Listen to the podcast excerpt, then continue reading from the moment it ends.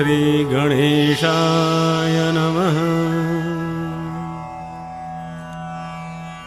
यं ब्रह्मा वरुणेन्द्ररुद्रमरुतः स्तुन्वन्ति दिव्यैस्तवैर्वेदैः साङ्गपदक्रमोपनिषदैर्गायन्ति यं सामगः ध्यानावस्थिततद्गतेन मनसा पश्यन्ति यं योगिनो यस्यान्तं न विदुःसुरासुरगणा देवाय तस्मै नमः। श्रीमच्चन्दनचर्चितोज्ज्वलबपु शुक्लाम्बरा मल्लिका मालालङ्कृतकुण्डला प्रविलसन् मुक्तावली शोभिता सर्वज्ञाननिधानपुस्तकधरा रुद्राक्षमालाधरा वाग्देवी वदनाम्बुजे वसतु मे त्रैलोक्यमाता चिरम् मूकं करोति वाचालं पङ्गुं लङ्घयते गिरिं यत्कृपातमहं वन्दे परमानन्दमाधवम्।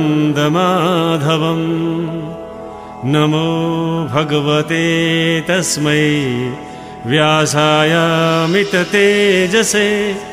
यस्य प्रसादाद् वक्ष्यामि नारायणकथामिमाम् नारायणं नमस्कृत्य नरं चैव नरोत्तमं देवीं सरस्वतीं व्यासं ततो जयमुदीरये मानिसको भाग्यमा कस्तो के लेखिएको छ यो समय सन्दर्भ आइपुगेपछि मात्र बुझ्दछन्। कहाँनिर के हुन्छ? कसलाई के थाहा हुन्छ र? कति दुःखमा बसेकी गोमा ब्राह्मणे आज राजमाता भइन्। कति दुःखका साथ बसेका नवराज आज राजा भए। समय कहाँबाट कहाँ पुग्छ त्यो कसलाई थाहा हुन्छ र? कुमारजी आगे गर्नुहुन्छ हे अगस्त्य मुनि एक दिन नवराज राजाले आमा गोमासित भने हे माता स्वस्तानीका कृपाले हामी यहाँ आएर राजा भयौं। पूर्व जन्ममा यति पुण्य गरेका रहेछौ र अहिले हामीले यो स्थानमा बस्न पाएका छौं। यो जन्ममा हामीले कुनै पुण्य कर्म गरे अर्को जन्ममा पक्कै पनि त्यसको फल पाउँछौ होला। हे माता पहिले राज्यमा भए जति ब्राह्मणलाई डाकी भोजन गराऊ यस जन्ममा दान धर्म गर्नाले अर्को जन्ममा पाइएला। नवराज राजाको कुरा सुनेर हे पुत्र यो भलोको कुरा हो। जसले जस्तो प्रकारको कर्म गर्दछ त्यसले त्यस्तै प्रकारको फल पाउँदछ। यो जन्ममा नभए जन्म जन्ममा। अहिले हामीले पुण्य कर्म गर्यौं भने पक्कै पनि अर्को जन्ममा वा यही जन्ममाको जन्ममा पनि कुनै न कुनै प्रकारको उचित फल पाउँछौ नै होला। हे पुत्र तिमीले भनेको कुरा बिल्कुल ठिक हो। अहिले यो जन्ममा हामीसँग त्यति शक्ति छ भने किन त्यसको सदुपयोग नगर्ने? कि अर्को जन्ममा समेत त्यसले बाटो बनाइदियोस्। गोमा ब्राह्मणीले आफ्ना पुत्र नवराज सामान्य यी कुरा भनिन्। हे पुत्र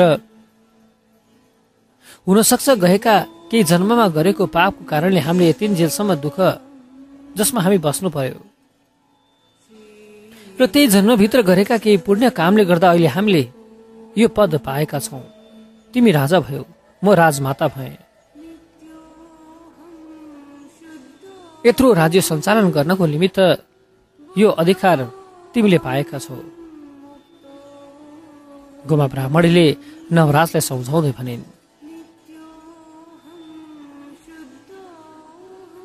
अब ठिकै छ। गोमाले ब्राह्मणलाई निम्ताउने आज्ञा दिँदै भनिन् अनि एउटा कुरा चन्द्रज्योति नगरका तेरा साथीहरूलाई पनि निमन्त्रणा पठाइयोस्। मानिसहरू ठुलो पदमा पुगेपछि अरूलाई भुल्दछन्। त्यसो चाहिँ तिमीले नगर्नु। आफू जस्तो सुकै जुनसुकै ठाउँमा पुगे पनि जसले आफूलाई साथ दिएका छन् तिनका साथ कहिले पनि छोड्नु हुँदैन। मानिसहरू त्यही कुरामा गल्ती गर्दछन्। जब आफूलाई दुःख पर्दछ सो समयमा सबैका सहयोग लिन खोज्दछन्। जब आफूलाई सुख आउन थाल्दछ तब दुःखका छेडमा भएका ती सारालाई बिर्सिदिन्छन् यो अवगुणको कारणले मानिस पतित हुन्छ। हे पुत्र तसर्थ तेरा दुःखका साथीहरू जो चन्द्रज्योति नगरमा अहिले बसिरहेका छन् तिनीहरूलाई पनि निमन्त्रणा पठाएस्। फेरि ती यजमानहरू जो हाम्रा दुःखका छेडमा अत्यन्त निकट रही सहयोग गरे।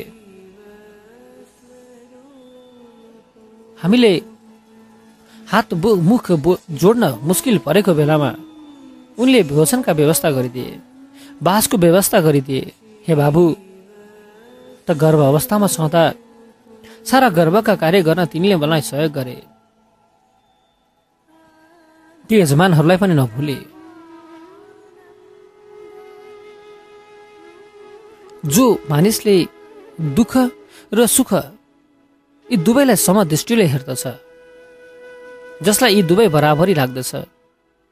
जो मानिस दुःखको समयमा आत्तिँदैन संयमित भएर रहन्छ अनि सुखको समयमा मात्तिँदैन पनि।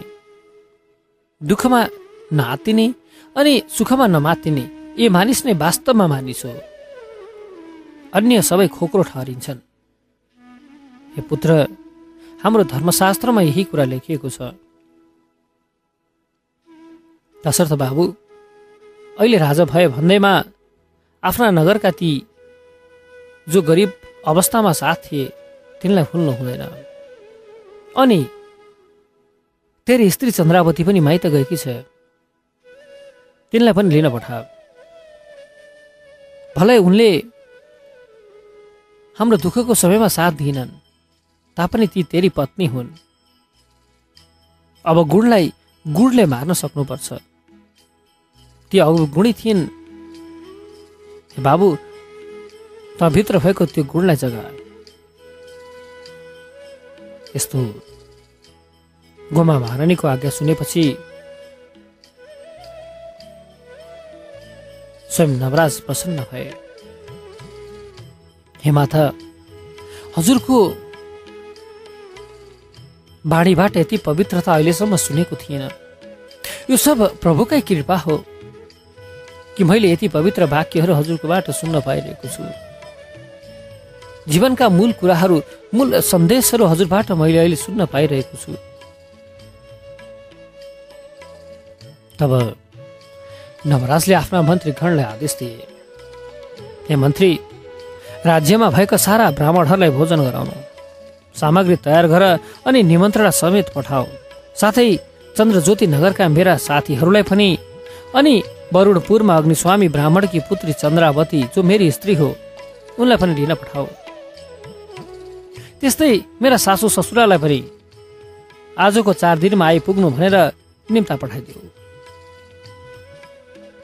यति भनेर नवराज राजाले भनेपछि मन्त्रीले पनि सामग्री तयार गरी राज्यका सबै ब्राह्मण र नवराजका सङ्घीहरूलाई निमन्त्रणा पठाए।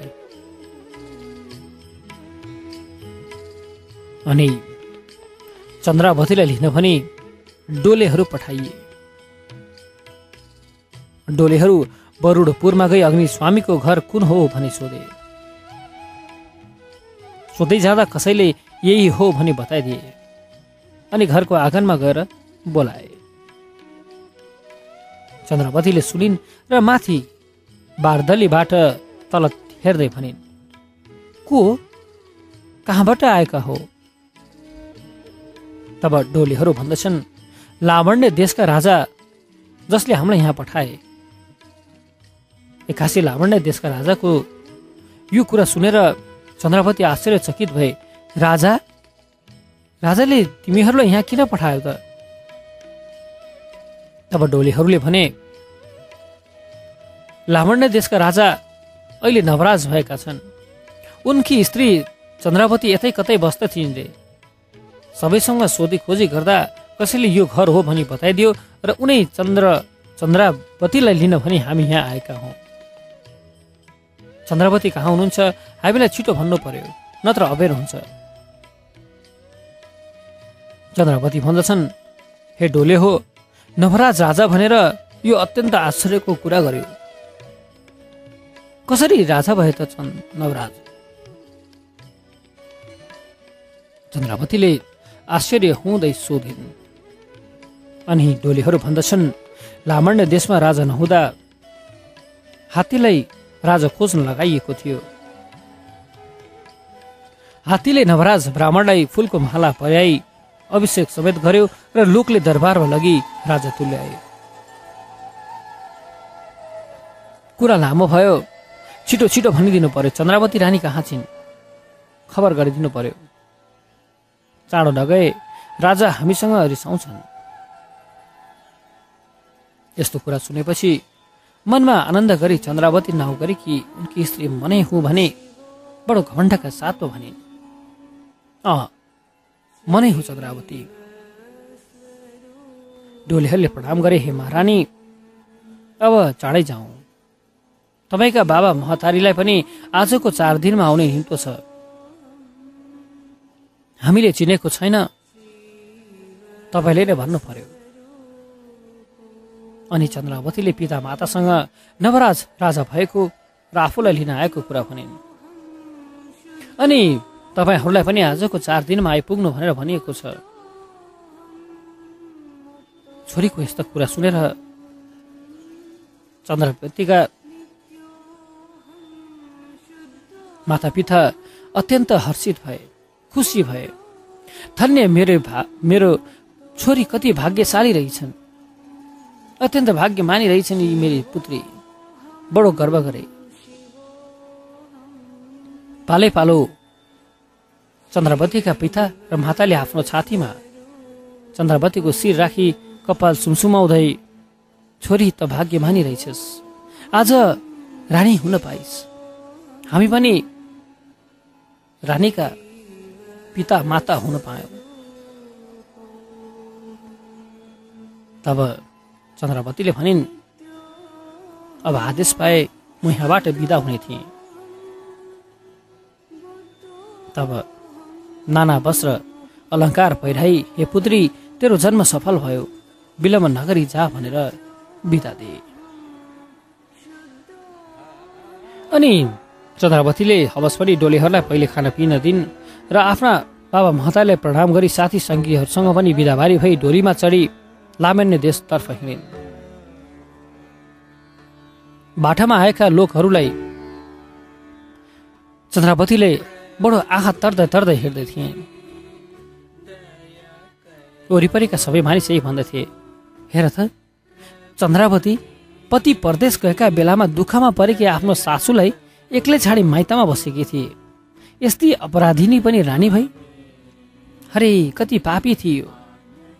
ती वृद्ध जो अनाथ थिइन् त्यति दुःखमा परेका परेकी ती सासूलाई छोडेर यो एक्लै आफ्नो माइतमा आई सुखमा बसी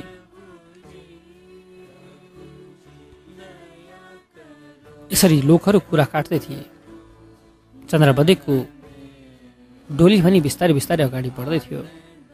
केही साथीहरूले उनलाई सम्बोधन गरे तर बडो गर्वका साथ कुनै पनि प्रकारको प्रतिक्रिया नदेखाई घमक्क फुलेर चन्द्रवती अगाडि बढिरहे।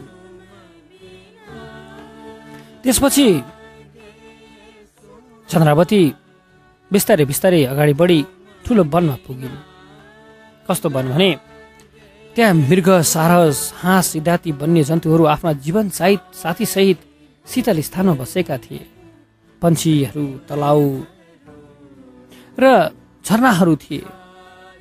चाँच गुराँस पलास गोइलाका वृक्षहरू फलफुलले लटरम्म भरिएका भमराहरू रसका लोभेर गुन्जन गरिएका यस्तो वनमा पुगेपछि एउटा झ्याममा परेको रुखमुनि डोली बिसाएर नजिकैको खोल्सामा पानी पिउन जाँदा टाढैबाट देवी जस्ता स्त्रीहरूले पूजा उत्सव गरिरहेको डोलेहरूले देखे।